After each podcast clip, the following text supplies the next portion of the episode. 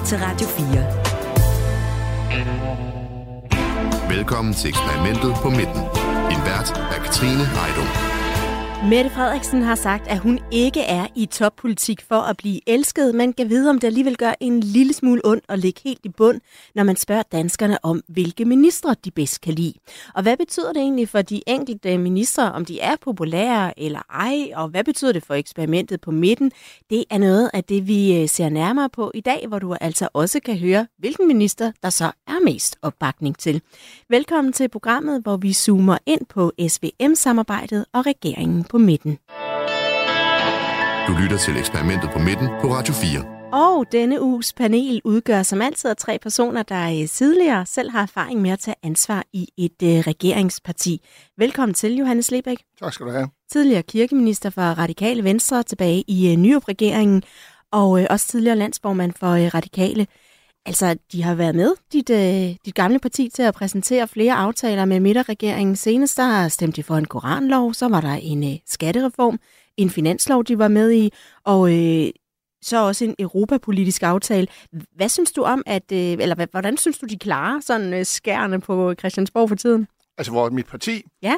Jamen, jeg, koranloven vil jeg helst ikke snakke om. Det der er jeg sådan meget splittet, men øh, jeg kan godt forstå, at de stemmer for. Øh, de andre ting, det er jo helt oplagt. Det, det er noget, de radikale stemmer for. Jeg mener faktisk aldrig, vi har stemt imod en finanslov til, til allersidst. Det, det er simpelthen øh, en del af partiets DNA. En finanslov, den ender man med at stemme for under alle omstændigheder, ikke engang som demonstration. Jeg kan, kan ikke mindes, vi har gjort det. Og de andre ting, det kan jeg godt se en, en fornuft i, vi er med på. Så, så det er jo en midterregering, og hvorfor skulle vi så ikke også være med på midten? Så det, det er egentlig ret oplagt. Britt Bager, også velkommen til dig. Tak tidligere politisk ordfører i Venstre og siden øh, konservativ folketingspolitiker. Nu er du ansat hos øh, Kraka Advisory. Har øh, den her skattereform, som regeringen er kommet med, og som der jo blandt andet er radikalt, der har stemt for, og som vi skal tale mere om i programmet, er det sådan noget, hvor du har været inde og regne på, om det giver nogle flere penge mellem hænderne? Overhovedet ikke. Nej. Så det er ikke noget, hvor du tænker, okay, så er der store julegaver i år? Nej, altså faktisk øh, tror jeg, jeg er som øh, danskerne er flest. Jeg går ikke sådan super meget op i, om, øh, om jeg får 100, 200 eller 300 mere eller mindre udbetalt. Men jeg går op i, om jeg kan komme på hospitalet, når jeg er syg, og jeg går op i, om der er en pædagog, der kan tage imod min dreng på tre år, når jeg afleverer ham i, øh, i børnehaven. Også velkommen til dig, Sune Steffen Hansen. Tak tidligere rådgiver i øh, Socialdemokratiet i Torning-regeringen. Nu er du øh, partner i øh, Rod Pedersen Public Affairs. Vi skal også snakke her om ministernes popularitet i løbet af programmet, og der er også et, en undersøgelse af, hvor godt man kender de her ministre. Og det er der altså kæmpe stor forskel på, hvor meget de er et navn, man kender eller ej. Hvor meget indflydelse har man som rådgiver for en ministers synlighed? Oh, det, Ja, altså det kommer jo meget an på rådgiverens rolle, men, men, men normalt så vil en vigtig del af det at rådgive en politiker jo også være det at promovere politikeren, så at de er kendt i offentligheden og særdeleshed blandt deres øh, vælgere i den kreds, hvor de er valgt. Så det vil som udgangspunkt betyde meget. Men er det noget, hvor man tænker på, hvis man nu så sådan en undersøgelse her, kunne se, okay, min minister ligger helt i bund, så skal den bare fyres af på en eller anden måde? Ja, Øh, det kunne jeg godt forestille mig, at man har en interesse i at arbejde med. Nu, nu kan man jo også risikere indirekte udstille nogle gode kollegaer og sådan noget, så der er nok altid en forsigtighed omkring, hvordan de her sådan, historier kommer ud, men, men hvis jeg arbejder som rådgiver for en, for en minister, som er meget populær, så vil jeg da sørge for, at rigtig mange mennesker talte om det. Velkommen til alle tre i hvert fald. Du kan også byde ind på uh, sms'en, hvis du har input til programmet. Det er som altid på 1424. Du lytter til Radio 4. Hvad får man, når man blander rød og lilla og blå skattepolitik? Ja, det har skatteminister Jeppe Brugs svaret på. Det er den mest retfærdige, socialt afbalancerede skattereform, vi laver i over 20 år. Ja, det er en stor historisk og mest afbalanceret skattereform i 20 øh, år. Det er jo nogle flotte ord, som regeringen så kan sige om sig selv i den her sammenhæng. Er du enig i det, Britt Bær? Jamen, det er da en fin skattereform. Øh, man kan i hvert fald sige, at det, som øh, de får ud af det, det er, at de får lavet en forholdsvis bred aftale. De får øh, mange partier til at, øh, at tilslutte sig, eller i hvert fald fire partier, så vidt jeg lige kan huske, til at tilslutte sig. Og, øh, og de får jo lavet nogle skattelettelser, øh, og de bliver enige, de tre imellem. Øh, Socialdemokratiet går klogeligt ud og flager, at øh, de synes, top-top-skatten er, er en god ting, og Venstre går ud og flager, at de nu kan det bedre betale sig at arbejde. Så de får jo, altså, de, de får promoveret deres skattemærkesager ved den her aftale. Og nu sagde du lige, det er flere, der er med. Det er både Danmarksdemokraterne, det er konservative, det er øh, Radikale Venstre, og så er det altså også nu borgerlige, der har nikket ja til at være med i den her aftale. Øhm, Sune Steffen Hansen, synes du, der er grund til at være så begejstret, som Jeppe Brugs han giver udtryk for, at han er her? Det, det er jo, jeg synes, det, er lidt, det kan godt være lidt svært at lave sådan, som udgangspunkt en meget, øh, sådan, ud fra et socialt retfærdighedssynspunkt, sådan traditionelt på venstrefløjen i hvert fald, sådan skattepolitik, der understøtter det. Men jeg vil dog sige, at når man står som socialdemokratisk skatteminister, så er det ret afgørende, at den her skattereform ikke pludselig står i forfærdelig kontrast til de velfærdsbesparelser, som offentligheden kan opleve, der forekommer i de her år, hvor der er mangel på pædagoger og alle de her forskellige ting. Så det er nok vigtigt at sælge en historie om, at det her sådan ikke er et led i, at der spares andre steder i den offentlige sektor, men at vi faktisk laver noget, også noget socialt, for at få den der sådan røde profil ind over noget, som jo godt kunne opfattes som borgerlig politik. Jamen, de har jo været ude og, øh, og begrave det her med, at det hedder øh, velfærd eller skattelettelser. Nu kan man få velfærd og skattelettelser. Ja, det er rigtigt. Det har de været ude og forsøge at begrave, men det er jo altså 20 års øh, hæftig propaganda på det område, som, som det, så det tager nok noget tid, for den ligesom synker ind i resten af, af befolkningen. Og derfor så har man selvfølgelig sådan, hvad kan man sige, retorisk og politisk nogle, nogle udfordringer med ligesom at kunne præsentere det troværdigt, som vi kan både have bedre velfærd, men vi kan også have bedre, øh, vi kan også have skattelettelser. Når man så ser på, hvem der har været med i den her aftale, så, så er det jo mest de blå partier i virkeligheden, der er med. Hvad, hvad siger det om skattereformen, Johannes Liebæk? Jamen, det er jo nok en, et, et nik til den blå side, hvis vi endelig skal sige Moderaterne og, og Venstre, der får gevinst af det her. Jeg synes, jeg synes Socialdemokraterne har et problem, fordi der, den her balance mellem velfærd og, og skat, den kommer, kan de ikke løbe fra. Men det har også noget at gøre med hele regeringens udgangspunkt. Det var en kriseregering, der gik ind på et tidspunkt, hvor vi nærmest fik at vide, at vi manglede penge, derfor måtte vi ikke arbejde. Ja, jeg gør det jo ikke alligevel, men øh, vi måtte ikke arbejde på store bededag. I dag og i går, der sætter man en reform igennem, hvor man øh, rammer SU, og det kan man altid diskutere, det vil jeg også gerne diskutere videre, men det er i hvert fald et spørgsmål, hvor man skærer ned. Det gør man en uge efter, hvor man giver øh, til de allerrigeste.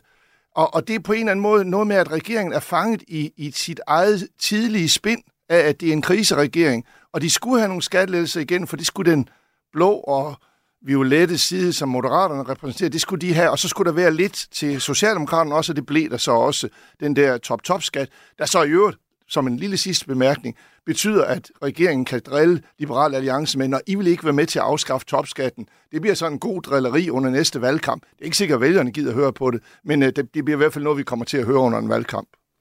Øh, to ting. Øh, Top-top-skatten, det er meget sjovt, at det er Socialdemokraterne, der har været ude og ligesom øh, hejse fladet på den, for det var jo lykkes opfindelse egentlig. Og så synes jeg, øh, det som Mette Frederiksen jo meget klogeligt har gjort, det er, at hun har lavet en kæmpe lang indflyvning til den her skatteaftale. Hun startede allerede i øh, valgkamp med at sige, jamen øh, vi, har, øh, vi er villige til at give skattelettelser, de skal bare gives rigtigt, de skal gives til, gives til de lavt lønnede danskere, så de får mere ud af at gå på arbejde. Så hun synes jeg egentlig, at Socialdemokratiet er sluppet ret godt igennem den her øvelse, fordi de har haft sådan en lang indflyvning til at vende vælgerne til, at, øh, at, at det kommer. Men jeg er enig med Sune i, at den her 20-årige lange fortælling, skattelettelser eller, øh, eller velfærd, den dør ikke bare over natten. Vi kan lige prøve at høre, hvad Mette Frederiksen sagde i forbindelse med øh, valgkampen. Socialdemokratiet gik først og fremmest til valg på at fremtidssikre vores velfærdssamfund. Men vi gik også til valg på skattelettelser. Og det gør vi jo, fordi vi er optaget af, at en buschauffør øh, eller en, der sidder ved kassen nede i Netto, øh, gerne må have lidt mere til sig selv.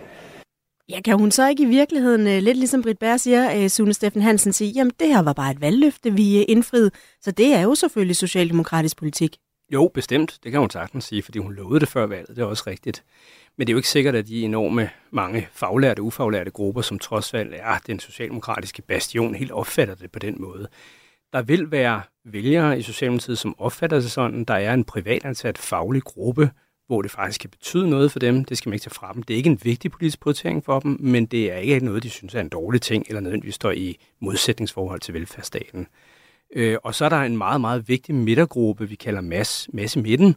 Det er sådan et særligt segment, som begynder at bevæge sig. Det er faktisk ret vigtigt, det her, sådan, fordi de kan afgøre de kommende valg de, de, de, de næste mange år. Og det er fordi, de er bevægelige i forhold til, hvilke partier de stemmer på, og derved hvilken konstellation, magtkonstellation man kan få på sigt. Og de går faktisk op i nogle af de her ting. De er relativt unge, relativt veluddannede og relativt urbane. Men hvis man så har sådan et kludetæppe af en skattereform, som jeg tillader mig at kalde det, fordi man både har en, en topskattelettelse, hvor man ændrer grænsen og øh, sætter, øh, sætter, hvad hedder det, øh, trækket ned på det også, og så har man en top-top-skat, og så har man sådan til det brede det her beskæftigelsesfradrag. Man har også den øh, socialdemokratiske lunds i beskæftigelsesfradrag til enlige, som er forhøjet. Så kan man vel ramme alle i midten der? Øh, ja, som udgangspunkt, og det, det bekræfter jo øh, faktisk meget godt et eksempel på, hvor svært det er at finde en egentlig historie med det her. Ikke? Nu blev kassedamen nævnt. Det er jo sådan meget eller Uffe Ellemann i 80'erne, hvor kassedamen skal også have skattelettelser. Det er så blevet socialdemokratisk retorik, og det giver også god mening, når man skal lave skattelettelser som en socialdemokrat. Men, men du ved, der er noget til alle her, og så er spørgsmålet så, hvem, hvem er utilfredse med det? Eller det er jo altid godt, når man skal fortælle en historie, at der også er nogle modpoler til ligesom at bekræfte, hvorfor man, man gør det, man gør. Og der kan det virke sådan lidt, lidt udvandet og lidt uoverskueligt i virkeligheden, også for mig, når jeg sidder og kigger på det. Jeg har svært ved at overskue præcis, hvad den her skattereform går ud på. Og så har man jo altså de røde partier til venstre for Socialdemokratiet, som øh, er utilfredse med den her skattereform. Der ligger jo også netop i det der med, om det er velfærd eller, eller skattelettelser. Øhm, betyder det noget for Socialdemokratiet, at man har den her røde opposition, der virkelig øh, kan tale skattelettelser ned? Ja, det er jeg da helt sikker på, og, ja, og det udnytter de også. Det vil du tydeligt se, SF og Enhedslisten er jo, er jo ude, og de har jo let spil, fordi i mange almindelige danskers, selv Britt Bager nævnte det faktisk, opfattelse, der er det altså den nære velfærd, de møder, og det er jo kommunerne. Og kommunerne, de øh, gisper jo efter penge. Det er i hvert fald, hvad man hører øh, i, øh, i de lokale aviser, at der skal skæres ned i daginstitutionen, der skal skæres ned på ældreplejen. Det er i hvert fald den sang, vi får. Og der er ikke plads til en ny svømmehal i Fredensborg Kommune, og så videre, og så videre.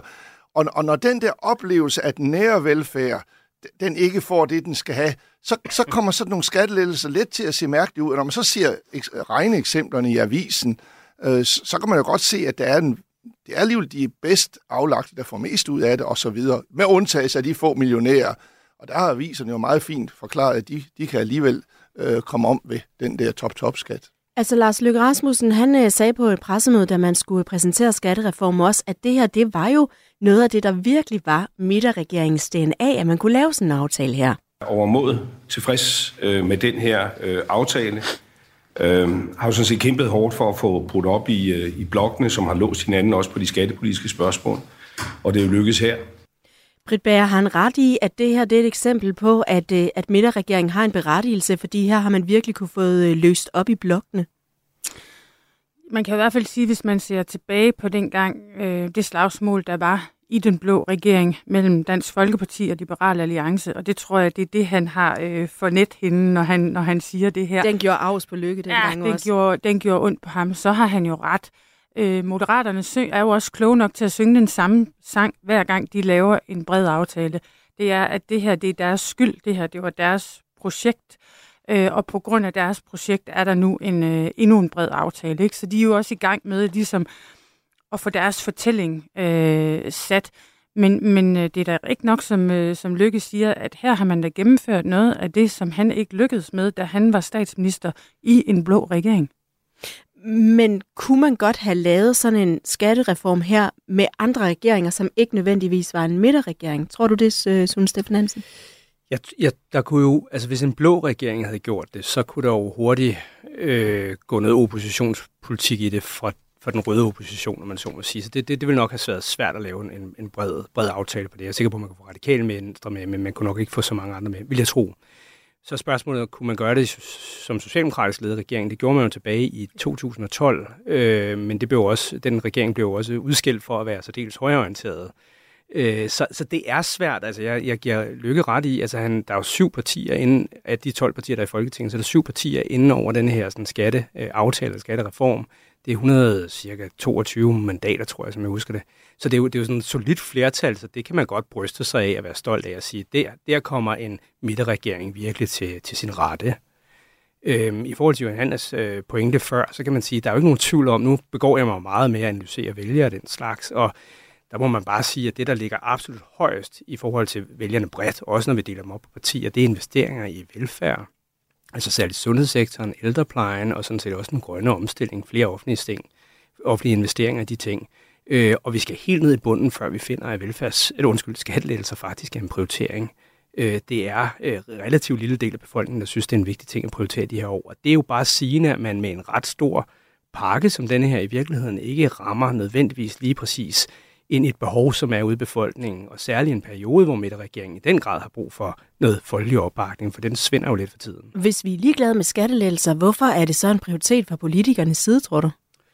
Jamen nu, nu drejer alting sig jo ikke om vælgerstrategiske ting. Øh, det, det anerkender jeg jo. Der er jo faktisk også et behov, og det er klart, når man mødes forskellige regeringer, eller undskyld, for partier sidder i en fælles regering, så kommer man jo ind med forskellige ting, og det her sådan, må vi antage, det har været en, en del af DNA'et i Venstre, det har været en vigtig del for dem ligesom at kunne vise, at man fik det igennem, og så er der heller ikke nogen tvivl om, at Moderaterne jo også i deres egen skatteudspil har luftet mange af de idéer, der finder vej herind, så der har været et politisk ønske om, at øh, få lavet en aftale på det her område. Britt du kender jo øh, Venstre øh, godt. Er det en del af DNA'et, at man skal ville skattelettelser? Altså sætningen, det skal altid kunne betale sig at arbejde, den ligger i Venstres DNA, og det har den altid gjort. Så kan man skrue op for den, øh, eller man kan skrue ned for den. Det gør man oftest frem mod et valg, når man skal have lukket øh, lidt vælgere over midten, eller øh, have fat, bedre fat i kvinderne, fordi det er også bevis, det ved Sune meget mere om mig, men, men kvinder går, går ikke så meget op i skattelettelser, som, øh, som mænd gør. Så der sidder man selvfølgelig og drejer lidt på knapperne, men, men det ligger dybt inde i Venstres mave, at det altid skal kunne betale sig at arbejde. Om man så hæver bundfradraget, så det kommer kassedamen til gode, eller om man hæver grænsen for, hvornår man skal betale topskat, så det kommer sygeplejersken til gode, eller om man laver en top-top-skat. Det, det er jo sådan uh, lidt forskelligt, men det jeg egentlig lige vil sige i supplement til det, Sune sagde før, det er, at den store øvelse for den her regering er jo at øge arbejdsudbuddet. Og det er jo blandt andet en af grundene til, at man laver den her uh, skattereform, eller i hvert fald et af de argumenter, der bliver brugt, det er, at man frem mod 2030 øger arbejdsudbuddet med 5.300. Det er den nye valuta i dansk politik? Det er nemlig den nye valuta, og, og, og, og den, den bliver jo også, skattereformen her bliver jo også sat i sammenhæng med øh, alle, øh, det er regeringsudlægning, alle de andre tiltag, som frem mod 2030 vil øge arbejdsudbuddet med op til 25.000 mennesker. Og det er jo nemlig, som du siger, det er den store valuta, og det er den her regerings store opgave, det er at finde ud af, hvordan skaffer vi hænder nok til, at vores, øh, altså til at borgerne kan få det velfærdssamfund, som borgerne eller vælgerne føler, de har krav på. Noget af det, som regeringen øh, selv har rost, øh, det er jo det her med, at det var en bred aftale igen. Altså det er øh, blevet sådan lidt en, øh, en ny suc- succesmarkør. Hvorfor er det det, øh, Johannes Lebæk, at, øh, at regeringen er så travlt med at sige, hver gang den får lavet en bred aftale, hov, hov, vi har lavet en bred aftale igen? Jamen, nu kan jeg, jeg kan ikke øh, vælge undersøgelser, men, men jeg mener, at der er nogle vælgeundersøgelser, der viser, at folk kan godt lide brede aftaler. Altså, det, det, øh, hvis du spørger sådan meget, bred, ja, meget bredt ud i befolkningen, så er det noget, man godt kan lide. Så, så, så jeg tror, det er det, der, der gør, at regeringen fremhæver det så meget. Det, øh, jeg skal lige øh, supplere med det med arbejdsudbuddet. Det er jo normalt det, derfor, at de radikale går med til skattelettelser. Det er næsten altid for, at det er arbejdsudbud. Radikale vælgere er heller ikke dem, der går mest op i, i skattelettelser, sådan rent personligt. Men kan det også handle om den der frygt for magtfuldkommenhed, øh, at, at man så gerne vil have øh, alle med? Ja, det, det tror jeg bestemt, det gør. Altså, man har en flertalsregering, der kan drøne ting afsted, sådan set beslutte rigtig mange ting alene, og der er man jo afhængig af på en eller anden måde at vise, at man ikke øh, bypasser folkestyret øh, for meget, øh, men man også ligesom lytter til andre partier. Det er jo en vigtig del af historien her, så det at være brede skal jo ikke være sådan en flertalsdiktatur, øh, der skal stå tilbage. Så, så det er klart, man flager jo, det kunne vi jo også se med finansloven, man flager hver gang, man er i stand til at få flere partier med ind over. Det synes jeg er en god idé, fordi som Johannes ganske rigtigt siger, så er der rigtig mange undersøgelser, der viser, at den danske offentlighed faktisk godt kan lide det der sådan med, at partierne samarbejder for at finde løsninger til danskerne. Men vi har jo også en regering, som måske lidt mistet sit narrativ i forhold til det her med at være en kriseregering, som I også har nævnt. Altså, er vi vidne til, at øh, man lige slår ekstra øh, meget fast, at, øh, at øh, det nye narrativ er et, et bredt samarbejde? Øh, ja, altså det er de jo interesseret i gang på gang at slå fast, at, øh, at de vil gerne det brede samarbejde. Og det betyder så noget for os som vælgere, eller hvad, Sune Steffen Hansen? Altså er det fordi, vi godt vi kan ikke lide konflikter, så vi vil gerne have, I, I de er enige inde på Christiansborg, så er det roligt og rart. Vi er jo sådan relativt, som nordiske mennesker, er jo sådan relativt konsensusøgende i virkeligheden og pragmatisk anlagt. Sådan, det er en del af vores i hvert fald politiske kultur, hvor man jo mange andre steder ser mere konflikter. Vi ser der amerikanske kongres, der er fuldstændig splittet. Øh, og der har man bare sådan, at man, men, men som, hvad kan man sige, den danske politiske kultur, der er det ikke sådan, at offentligheden sådan, øh, står hårdt på ideologi, og der er stadigvæk en følelse af, at man kan godt samarbejde, og det vil være det bedste. Øh, og det, det kan vi se, simpelthen når vi spørger, at teoretisk set i hvert fald, så kan vælgerne godt lide tanken om, at man samarbejder. Så jeg synes, det er en, det er en stærk historie, også fordi krise, krisefortællingen er svær for regeringen. De holder stadigvæk delvist fat i den, men det er klart, når man uddeler skattelettelser, så virker det jo heller ikke kriseagtigt. Så det er en svær historie at komme igennem med på en eller anden måde til en befolkning, som ikke nødvendigvis synes, der er voldsomt meget krise. Men den brede del, den tror jeg, der kan være noget svung i. Og når man så laver sådan en bred aftale, så er det jo altså også øh, sjældent uden øh, kompromiser for dem, der skal sige ja til det. Men det kunne man også forstå på øh, pressemødet. Var der elementer i den her, vi ville have gjort på en anden måde? Ja, det, det tror jeg nok, der var. Men det skal ikke tage, tage glæden fra mig om, at vi har lettet skatten for, for 10 milliarder og været med til det. Ja, det er altså konservativs øh, formand Søren Pape her, der siger, jamen der har jo altså været nogle kompromiser, men, øh, men vi vil godt være med. Men hvis man kigger sådan internt, for jeg tror også, der var en af jer, der sagde i starten, at i virkeligheden den store opgave måske også har været øh, blevet enige internt i regeringen om, hvad det egentlig var, man ville. Kan man så sige noget om, øh, Britt Bær, hvilke af de her tre øh, regeringspartier, der har slut, slugt den største kamel i det her udspil, eller den her aftale? Oh, Altså, øh, hvis jeg lige må øh, kommentere på det, Pape han sagde her, så har han jo behov for at dække sig af mod Liberale Alliance, som står udenfor. Fordi han rent faktisk har været med. Fordi konservativ går med, og konservativ gik jo så sent som i 22, 2022 til valg på topskattelettelser.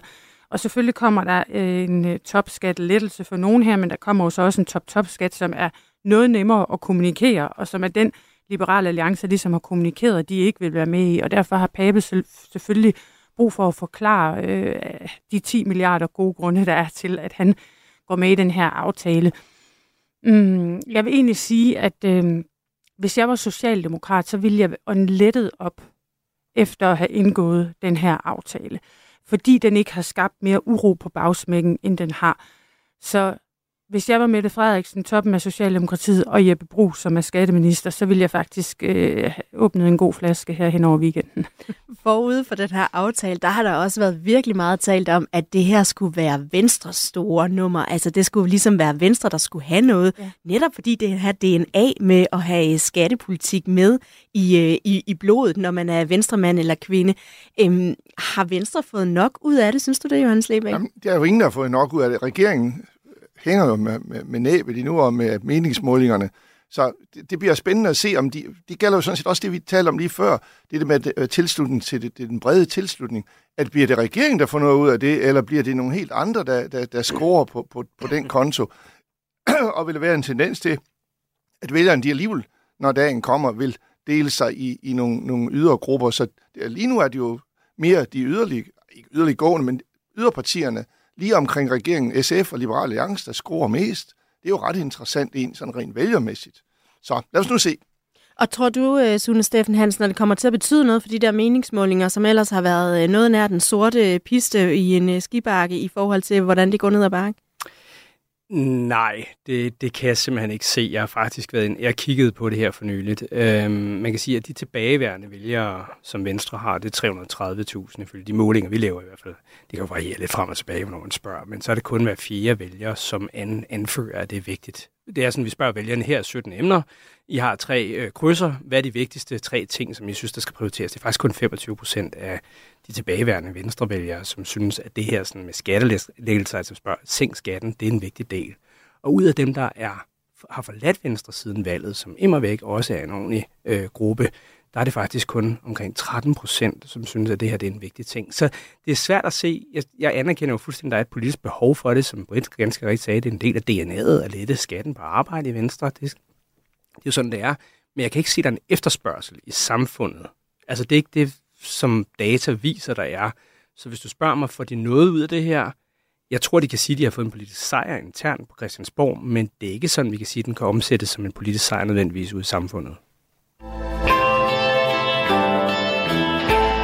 Er på mange måder befrielsens øjeblik. Ja, vi er nået til vores øh, faste element i programmet Befrielsens øjeblik. Det er jo der, hvor I øh, hver især skal byde ind med øh, et øh, punkt, en person, et udsagn, et forslag eller et tidspunkt, øh, hvor det her eksperiment på midten med de øh, tre partier, som ellers øh, før måske ikke var de bedste venner, nu øh, er gået sammen for at se, hvor har det, hvor det gået op i en øh, højere enhed. Britt Bær, du får lov at begynde. Hvad har været dit befrielsens øjeblik? Jamen, det er den her skatteaftale. Ja, hvorfor? Jamen, fordi alt andet lige, så må det være rart at kunne sætte kryds ved, at de, har, øh, de er blevet enige om den. De har fået bred opbakning til det. Der har ikke været et øh, kæmpe øh, ramachan i medierne omkring det. Så nu, nu er den gennemført, og, øh, og så behøves vi ikke at snakke mere om det frem mod et valg. Så kan vi snakke om det igen, Når, ser frem mod de... et valg, selvom det første er om tre år. Ikke? Så er det jo de to første år, der skal, der skal gennemføres øh, mest realpolitik. Johannes Lebæk, hvad har været dit øh, befrielsens øjeblik?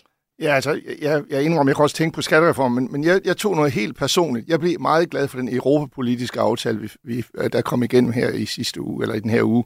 Som Øh, radikale var, også var med til. Radikale var også med, men læg, læg mærke til, at kun var det radikale SF var også med, Alternativ var med, Liberal Alliance var med, øh, og, og, øh, og det, det glædede mig egentlig, fordi øh, europapolitik, bryder jeg mig ikke om, skal være en kampplads i Folketinget. Der, kan jeg altså, der synes jeg, det er meget, meget fint, at vi har en bred europapolitisk øh, linje, som vi kører fra dansk side, og så kan øh, yderpartierne i henholdsvis den venstre side og den højre side, så kan de stå og råbe, og så er der en meget stor bred midte. Og der har været nogle tendenser, både i Venstre og så, sandelig også Socialdemokratiet, hos vores øh, statsminister til sådan at være noget skeptisk. Det, det er truende EU, og der skal der lige lov for, at hun også er vendt, er vendt på en tallerken, og Socialdemokratiet med hende. Så det er mit, mit øh, bedste øjeblik ved den her regering. Sune Steffen Hansen, nu har vi øh, europapolitikken på den ene side og skattepolitikken på den anden side. Hvad har været øh, dit befrielsens øjeblik? Det har faktisk været skattepolitikken, eller skatteaftalen, eller reformen. Øh, personligt, fordi jeg har meget svært ved at forstå min skat. Øh, så det der Tror med, at den, den, den nu? ændrer sig hele tiden, øh, det, det, det, det, det er sådan også et irritationsmoment. Og nu tænker jeg, at nu er den rimelig stabil. Der er ret mange partier bag. Nu kan jeg have sådan 10-20 år til at lære den at kende præcis, hvad logikken er. Jeg er sådan en, der altid hænger i røret hos skat, for ligesom at finde ud af, hvad der er op og ned på det. Ikke? Jeg er også meget, alt skal betales ret. Øh, så det er sådan den personlige dimension, og så må jeg sige, hvis jeg lige tager det strategiske briller på fra regeringens side, så synes jeg jo, der er de her to historier, som den står på mål for. Den ene er krisen, den er svær at formidle i de her tider, og den anden er den brede del. Og det må jeg bare sige, det her understøtter jo den brede øh, fortælling, og det, det, det, det, det kan jeg godt se nogle muligheder i, at, ligesom, at det er det narrativ, man ligesom, eller den fortælling, man står, man står på som den, den, den vigtige del af den fremadrettede regeringsførelse. Så selvom det ikke nødvendigvis flytter vælgere, så har det alligevel været en sejr, man kan gå ud og sige, det her, det, det var noget, vi ville nu, det er noget, vi har gjort, og det er rent faktisk også noget, der balancerer med den øh, politik, vi ellers har. Ja, bestemt. Altså man kan sige, det er jo svært at lave sådan en stor bang, vi står for det her, her i en pakke. Det er jo i virkeligheden en perle af forskellige ting, der til sidst bliver en, en halskæde, sådan en rigtig flot halskæde. Ikke? Så det her sådan, det er jo sammen med finansloven øh, og andre ting, så er det en aftale, som er bred, og det kan man så understøtte med mange forskellige initiativer. Tak for jeres øh, bud på altså øh, befrielsens øjeblik. Du lytter til Radio 4. Måske fordi du ikke allerede har bestemt dig for, hvad du mener om alting. Radio 4. Ikke så forudsigeligt. Vi har øh, længe hørt, hvordan regeringen ikke er så populær i meningsmålingerne. Vi har også talt om det flere gange i det her studie.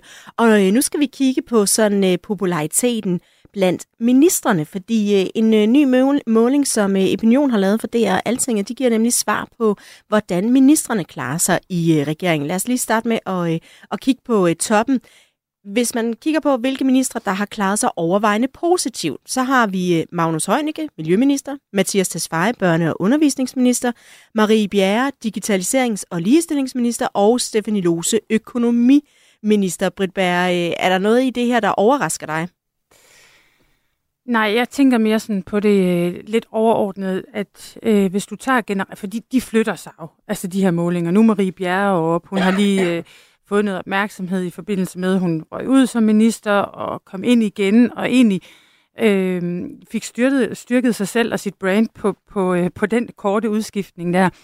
Generelt kan man sige, at Heunicke, Tesfaye og Bødskov, de ligger deroppe. Altså det, de bytter lidt rundt, men de ligger sådan i toppen. Det synes jeg er interessant. Generelt kan man også se, at partilederne har det med at ryge nedad. Øh, på et tidspunkt var det Jakob Ellemann. Øh, det var det over en lang periode. ikke. Øh, nu er det så Mette Frederiksen og, øh, og Lars Lykke. Så, øh, så jeg synes, der er sådan nogle, øh, nogle tendenser i, i det her, som jeg går og lurer lidt på. Hvorfor tror du, det er dem, der ligger i toppen, der ligger i toppen, Sune Steffen Hansen? Jamen altså, hvad kan man sige, metodisk hedder det her hjulpet genkendelse. Det betyder, at man spørger sådan set ikke vælgerne bare åben. Øh, nævn nogle navne på nogle ministre, du kender. Du, du hjælper dem lidt på vej. Så der er altid de metodiske problemer, at når du sætter nogle navne op, så kommer der også til at være nogle navne, som er meget aktuelle i, i, i, i debatten for tiden. Øh, og det betyder for eksempel Marie Bjerre, som lige er gået som minister og kommet tilbage ganske kort tid efter. Hun har fyldt det i pressen, og pludselig skal folk huske, at de har hørt hende et eller andet sted fra. Det er ikke sikkert, at de husker dem to måneder. De kan huske det nu her. Mm. Det har en afsmittende effekt på de her målinger. Det ved vi. Så det kan forklare noget af det. Og så er der nogen, der bare har en vedvarende høj stjerne eller genkendelighed i befolkningen, og det er ikke sikkert, at de kan sætte ansigter på, men de synes, de kan høre navnene. Øh, Magnus Heunicke for eksempel som sundhedsminister under corona, den vil helt sikkert træde igennem. Det er ikke som miljøminister, det er næsten overbevist om, det er som, som coronaminister, at han er kendt. Så det er sådan, der er forskellige måder at forklare de her ting på, men de kan altså variere meget efter, hvad der er op og fremme i medierne. Og i forhold til øh, den her undersøgelse, så kan man sige, at der er jo faktisk ikke så mange, der kan prale af at være sådan populære på plussiden, fordi det, man har ligesom sagt, at man positivt eller negativt stemt, og øh, der kan man se på den her undersøgelse, fem har en positiv score, en har en neutral, og så er der altså hele 17, som, som ligger sådan i en, en negativ øh, vurdering. Er det sådan et øh, typisk billede af ministre blandt vælgere? Er vi sådan lidt jeg, jeg ved, kritiske? Jeg ved ikke, jeg, jeg, da, da, da du øh, sagde, at vi skulle diskutere det her, så så jeg på de to undersøgelser. Jeg synes, det er meget vigtigt at se både på begrebet kendthed og begrebet popularitet. Ja, vi jeg vender kan... tilbage til kendtheden Nå, om jamen, lidt. Det sådan... det er fordi, det er meget, jeg har en vigtig pointe. For jeg har også set sådan en popularitetsmåling, hvor jeg selv har siddet i regering. Nå, og der var, var jeg det? helt ned i bunden. Og, og det, det ved jeg godt, hvorfor jeg gjorde. Det var, fordi jeg slet ikke var kendt. Det var, jeg var jo minister ret længe. Og jeg synes egentlig, jeg klarede det meget pænt. Jeg lavede mange fornuftige ting. Jeg lavede ikke ret mange ufornuftige ting. Men alligevel så røg jeg relativt langt ned, og der kunne jeg tydeligt se, at det var, der var det et meget et spørgsmål om kendthed. Så var der nogle små forbytninger op på øverste. Det, jeg vil være, være bekymret over i den her regering, det er for det første, det du lige har nævnt, at der er den der lave score til næsten alle. Mm-hmm. Men det er så sandligt også, at dem, der på kendthedslisten er højst, de er faktisk i bunden på popularitetslisten. Så noget af det, Suna er inde på, det der med genkendelsen, den spiller også ind, når man, når man skal svare på det der med populariteten, tror jeg. Så, så de, de to undersøgelser skal på en eller anden måde afstemmes, men generelt synes jeg nok, at den, det, det er ikke nogen dejlig, unders- nogle dejlige undersøgelser fra regeringen som sådan. Jamen, det er bare lige en, øh, en sjov tilføjelse til det her. Da jeg blev politisk ordfører i øh, 2018, der lå øh, Jakob Ellemann Jensen konstant nummer et på den her øh, liste over populære minister. Ham og Tommy Ahlers lå og byttede plads på et og to, eller første og anden pladsen. Øhm, så, der, så der kan man sige, at, øh, at da han så røg ned i bunden her som partileder, der var han jo helt sikkert kendt.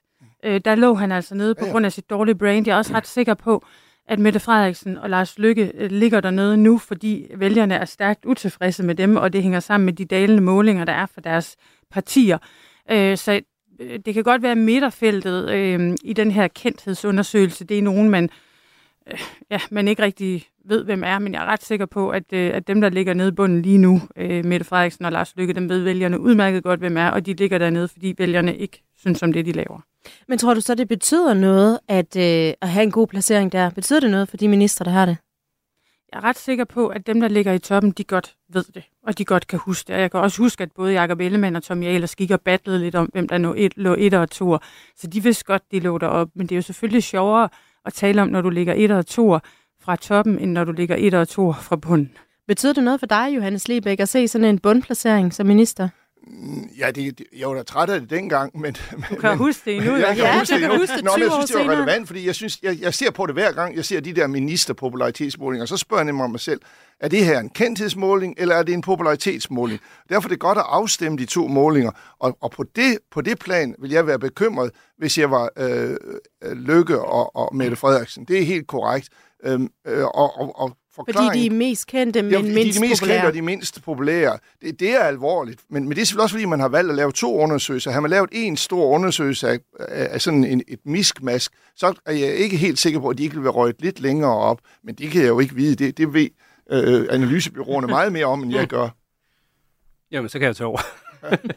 Nå, men jeg vil bare sige, nu har jeg jo arbejdet for politikere, så jeg ved jo godt, det er jo, det er jo neteffekten, man, man meget ofte kigger på som politiker. Er der 4% flere, der, der ikke kan lide mig, end kan lide mig, og alle de der ting. Men, men nu har jeg ikke, altså jeg har ikke været nede i detaljerne på den her måling, skal jeg sige. Men meget ofte så ser vi jo sådan set på, er der i de her målinger, så er der rigtig mange, der skriver hverken eller, eller har ikke noget forhold, eller et eller andet.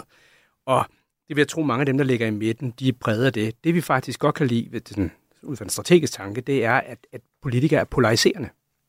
Fordi vi ved, og det ved vi fra et hav amerikanske studier i særdeleshed, at så er der også en committed-gruppe. Der er simpelthen en gruppe, desto mere polariserende du er, desto mere du fylder over kakkelbordene, for at bruge sådan et helt begreb, desto mere har vælgerne faktisk også en holdning til dig, og desto mere har du både en fanbase, som vi ved vil gå ned og stemme på dig. Vi har også nogen, som bestemt ikke vil. Og det er ikke en dårlig effekt som politiker, men den bliver meget ofte overset, fordi man selvfølgelig personligt øh, har, kan have lidt skidt med, at der er et flertal, der tilkendegiver, at man ikke, ikke kan lide vedkommende. Men jeg synes bare, sådan, som en af dem, der sidder som rådgiverrollen, at det er faktisk en vigtig del. Det er en meget vigtig del, at både nogen, der ikke kan lide dig, og også nogen, der kan lide dig. Og det er okay, at der er en lille overtal af folk, der ikke kan lide dig, fordi hvis bare dem, der kan lide dig, virkelig kan lide dig, så får du rigtig mange stemmer. Jamen, øh, jeg sad og så på den her liste, og, og når man sådan kigger ned over den, så, øh, så lagde jeg mærke til, at øh, Anne Hals, Bo Jørgensen, Christina Elund, Jakob Jensen, sådan tre, som jeg vil betegne som sådan stabile driftsministre, der har ikke været så meget... Øh, skriveri omkring, at de har gjort det hverken godt eller dårligt. Det er mit indtryk, at de egentlig kører der ud af. De kører deres ministerie, de drifter det. Øh, der er ikke så meget so me øh, hejs over det. Og de har ikke skabt øh, overskrifter, hverken positive eller negative. De ligger jo sådan midt i feltet. Det gjorde de også for to måneder siden, og for fire måneder siden. Så det er jo sådan, øh, i forhold til det Sune siger, så det bekræfter det jo, at, at, øh, at du kan godt øh, ligge et, altså højt på kendthedsskalaen, hvis du laver noget, der er rigtig, rigtig dårligt. Og så kan du egentlig være en af de der typer, der bare gør dit arbejde, og så ligger du midt i, måske endda lidt nede i bunden, fordi folk hører ikke rigtigt om det, du gør, men du laver et rigtig godt og grundigt gedin stykke arbejde. Så vil man i virkeligheden øh, hellere være øh, kendt og ikke så populær, end man vil være øh, populær, men ukendt? Oh. det kommer jo an på, hvem man er. Ja. Ja. Altså, ja, jeg, der, ja. jeg tror da faktisk, uden at, øh, uden at, at, at, at have talt med de her tre, jeg tror da faktisk, de er ganske fint tilfredse med øh, at ligge nogenlunde der. I hvert fald Christina Elund og Jakob Jensen, de drifter deres ting. Øh, jeg tror øh, også, at hvis ikke de var tilfredse med det, så tog de nogle flere selfies og lavede noget mere på øh, sociale medier blandt andet. Øh, der, der er nogle af dem her, der er der for primært det politiske, og, øh, og virkelig godt kan se, at det er et succeskriterie at drive og drifte et, øh, et ministerie det er selvfølgelig ikke så godt, hvis man ligger øh, og er partileder, og så er knap så kendt. Hvor, hvorfor er det ikke så godt? Fordi vælgerne skal, skal vide, hvem der leder partierne. Vi har fået en uh, øh, sms på 1424, hvor der er en, der skriver, så længe politikerne er ude og synge med befolkningen med deres uh, pensions- og uh, eftervederlagsforhold, så har vælgerne politikerled. Nu er det en konkret ting, men altså det her med uh, politikerled, spiller det så ind i sådan en undersøgelse her? Tager man hele sin eventuelle politikerled og kanalisere over i ministerne? Ja, det kan man meget, meget nemt gøre. Den er stor. Det er sjovt. Det der eksempel har jeg tit... Øh, altså, det er jo i, store statsregnskab eller i offentlige finanser, så det er jo en lille, lille bagatel, hvor meget pension en politiker får, men det fylder rigtig meget, når man for eksempel er fokusgrupper, det må jeg simpelthen sige. Øhm, altså, øhm, sorry, hvad var det, du spurgte om? Nu vil jeg tage af jeg, jeg spurgte, her. om, om man, man ligesom kan opleve, at man kan sige, at det her det er jo kun ministerne, der er på ja, spil. Men, men, men vil en general politikerlede også kunne kanaliseres ind i at sige, så kan jeg heller ikke lide den minister, ja, ja. så kan jeg heller ikke lide den minister? Ja, meget ofte. Altså nu, nu er det 1078 mennesker, der er spurgt her, ikke? Og rigtig mange af de mennesker vil jo også bare svare negativt, fordi det er politikere, de bliver konfronteret med. Sådan er det de her år. Vi kan simpelthen se, at i alle de måder, vi spørger på, og det kan man gøre på forskellige måder, men har du tillid til, at, Danmark, at politikerne vil det Danmark det bedste, så kan vi se, at der bare er en nedadgående tendens. Altså det vil sige, at offentligheden, flertal i offentligheden synes faktisk ikke mere nødvendigvis, at politikerne vil Danmark det bedste. Så selvfølgelig har det en afsmittende effekt, når det er, at vi spørger befolkningen om at tale om politikerne og pege på de positive ting, så kommer der meget ofte de negative historier frem, og det, har en, det, det betyder sådan noget, når du direkte spørger minister for eksempel. Så det vil være en tendens i det, øh, i det der bliver spurgt om her. Hvis man ser på, hvem der klarer sig godt, så var det altså blandt andet Marie Bjerre, som jo altså øh, virkelig øh, vandt øh, noget, øh, noget goodwill på at øh, klare sin øh, fyring med oprejste pande, dog med en lille tårer, og så altså bare 14 dage senere, så kom hun tilbage igen. Så er der Stefanie Lose, som jo har været meget populær i sin øh, rolle som øh, regionsrådsformand i, øh, i Sydjylland, og så har man altså også Magnus Heunicke, som jeg også nævnte, men han har jo været øh, minister under coronatiden. Og øh, lad os lige høre et klip med Magnus Heunicke, øh, hvor han øh, på folkemøde var DJ. Altså det var sidste år, og her der skal han introducere sin DJ-kollega. Jeg er nødt til at bede om at hjælpe mig med og ønske ham varmt velkommen. Mine damer og herrer, når jeg siger fan op, siger I slag. Fan op! Fan op! Når jeg siger fan op, siger I slag! Altså det her har jo ingenting med politik at gøre, tillader jeg mig at sige. Øhm, er, er det det her, altså hvad er det egentlig, der skal til for at være populær, hvis vi nu tager øh, synlighed væk fra det? Hvad skal man så kunne for at være en populær minister, Johannes Lebæk? Ja, hvis du spørger mig, hvad, hvad man burde, hvad det burde være til en populær minister, så er det folk, minister, som, der, som Britt Bager styrer deres ministerområde fornuftigt og godt, og, og, lave nogle, og er med til at lave god lovgivning for folket. Men jeg ved jo godt, der er meget tvivl i det her. Og det, øh, når vi skal snakke om ugens bastard, så er der faktisk sådan et tvivligt eksempel, jeg vil komme ind på, så det vil jeg gemme lidt. Men det, det er jo oplagt, at ministerne i, i disse dage, hvor vi har fået de sociale medier, der er, det, der er der mange andre ting, der kommer til at spille en rolle for, om de er populære. Jeg er nu samtidig lidt i tvivl for, om det ikke kan give bagslag i en periode, hvor Mette Frederiksen øh, skal snakke om øh, Ukraine, skal snakke om meget vanskelige ting i Israel. Der er jeg ikke sikker på, at det gavner hende at have æbleskiverne, øh, øh, de store æbleskiverproduktion fremme på de, Du henviser på, til et på de billede sociale på, medier. øh, Men Jeg har Instagram. også set det givet bagslag, for så er der nogen, der har, har ved billedteknik lagt noget helt andet ind på hendes æbleskivefad, øh, for at sige, at det er det, hun giver befolkningen. Det var faktisk hestepærer. Så, så, så man kan sige, at meget ulækkert og meget ubehageligt. Jeg var meget vred, for jeg har sådan set ikke noget imod, at hun vil, vil øh, bage æbleskiver. Jeg er bare ikke sikker på, at, at hendes rådgiver ikke skal sige, kære Mette Frederiksen, du er statsminister, du er ikke særlig øh, vældigt lige for tiden, men du vil blive respekteret, hvis du er en god statsminister, og det er det, du skal være. Du skal ikke være god til at bage æbleskiver. Men skal man ikke være god på sociale medier til at vise, at man også er et menneske og så videre for at blive populær, Sune Steffen Hansen?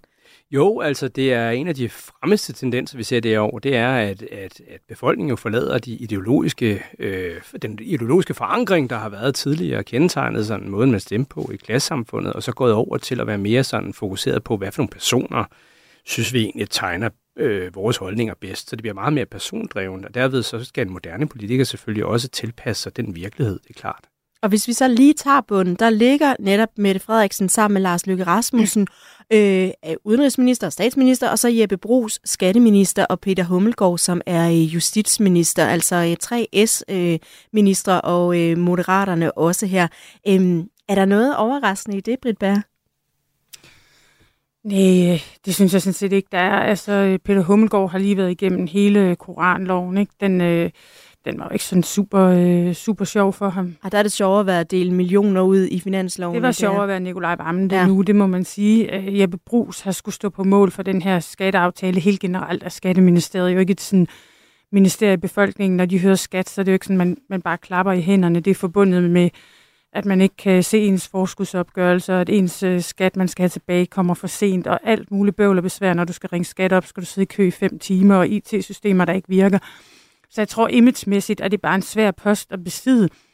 Men det må da give, øh, altså give overvejelser. Øh, det, må, det, må, det, må, det må kalde på noget refleksion, hvis man er Mette Frederiksen og Lars Lykke og ligger som partileder øh, så, så meget i bunden. Omvendt er de jo også så rutinerede. De ved godt, der er tre år til et valg, og de skal slet, slet ikke øh, toppe endnu.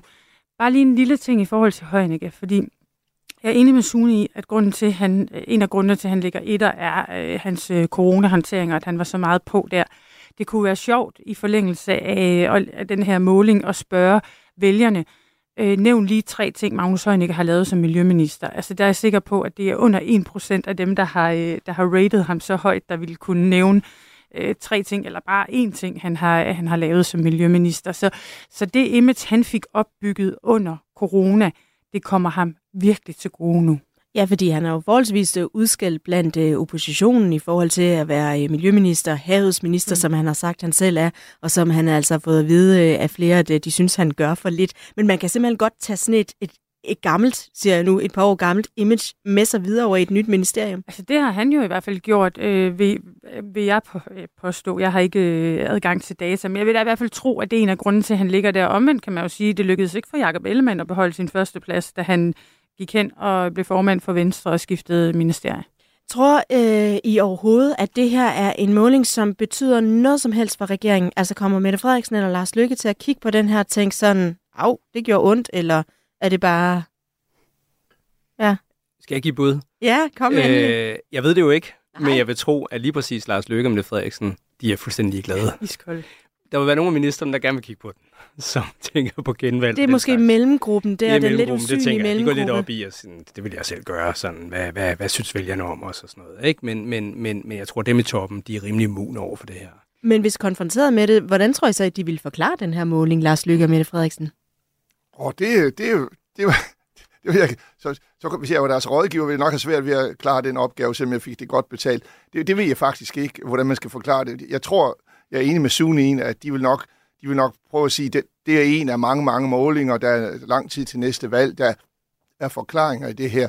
Jeg tror, de er meget mere bekymrede over, at regeringen som helhed, eller øh, ja, som helhed står så dårligt øh, vælgermæssigt. Det er langt vigtigere end, end, end den måling her. Og jeg er da så sikker på, at øh, jeg er helt sikker på, at de andre ministre, de vil, de vil øh, kigge på det. Øh, det er jo svært at være minister i Danmark. Man tror jo, at når man bliver minister, så er man kendt. Og jeg har oplevet øh, 3-4 måneder efter, jeg var blevet udnævnt til øh, kirkeminister, der synes jeg jo, jeg var en meget fin mand, være til et privat selskab, så fik jeg en dame til bord, og så spurgte hun, Nå, hvad laver du så? Ja, jeg er kirkeminister. Og det vidste hun jo så ikke engang. Øh, det var, øh, så, så det er meget almindeligt. Hvor mange ministre kender danskerne? Jeg tror, de kender en 5-6-7 stykker. Det er det højt, højden. Øh, så, så, så de her ministermålinger er lidt specielle. Og det, nu er du inde på det, men man har jo rent faktisk også spurgt om, hvor, om man kender de forskellige ministre, og der er det jo lidt et andet billede end det der polaritetsbillede. Vi var lige inde på det før, fordi Mette Frederiksen og Lars Lykke, det er ikke så overraskende. Det er uden sammenligning dem, som øh, folk har et, øh, det største kendskab til. Og hvis man så kigger den anden vej, dem man ikke kender sig godt, det er for eksempel øh, transportminister Thomas Danielsen, ældreminister Mette Kirkegaard, så er det også øh, Morten Dalin, som er minister for by, landdistrikt, kirkeminister, minister for nordisk samarbejde. Man kan så sige, det har han kun været et øh, par uger, hvor de andre har et års tid. Øhm, be- betyder det noget for deres arbejde? Altså en ting er, hvordan det er i selvforståelsen, men betyder det noget for deres politiske arbejde, Sune Steffen Hansen? Ja, brr, øh, altså, det er jo klart, at vi er jo ikke meget, meget tæt på et valg, men rigtig mange af de her ministre, øh, de stiller op til Folketinget næste gang, så selvfølgelig vil de være opmærksomme på, at de skal kendes mere. Jeg tror selv, hvis jeg, ja, nu siger jeg bare, det er sådan, øh, hvordan jeg vil tænke ikke i den her situation, men, men der vil jeg nok tænke, okay, det her det er så hele Danmarks befolkning, men det er i hvert fald vigtigt dem, som er i den store kreds, hvor jeg stiller op, ved, hvad jeg skal gøre. Og det kunne godt gøre, måske sådan en, en, en måling kunne ligesom inspirere til, at man er lidt mere opmærksom på at få skaffet nogle ting på ens ressortområde, som i særdeleshed kommer ens egne vælgere til gode, om man så må sige, fordi man bliver meget bevidst om, man kan ikke bare tage et valg for givet, at man bliver valgt ind som minister. Så hvis du var rådgiver for en af dem her, der øh, ligger ret lavt, er det så noget med at sige, okay, nu skal vi altså lige øh, på øh, rundtur hjemme i baglandet, eller hvordan vil man gribe det an konkret?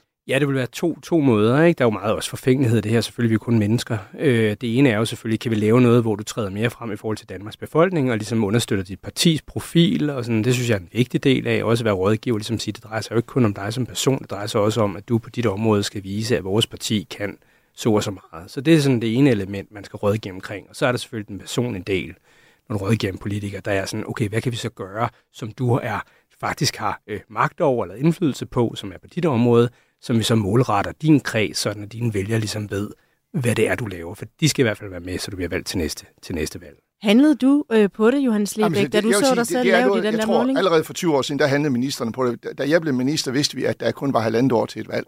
Og der var man, der var man opmærksom på, at det, det var godt at komme i fjernsyn. Det var godt at blive kendt.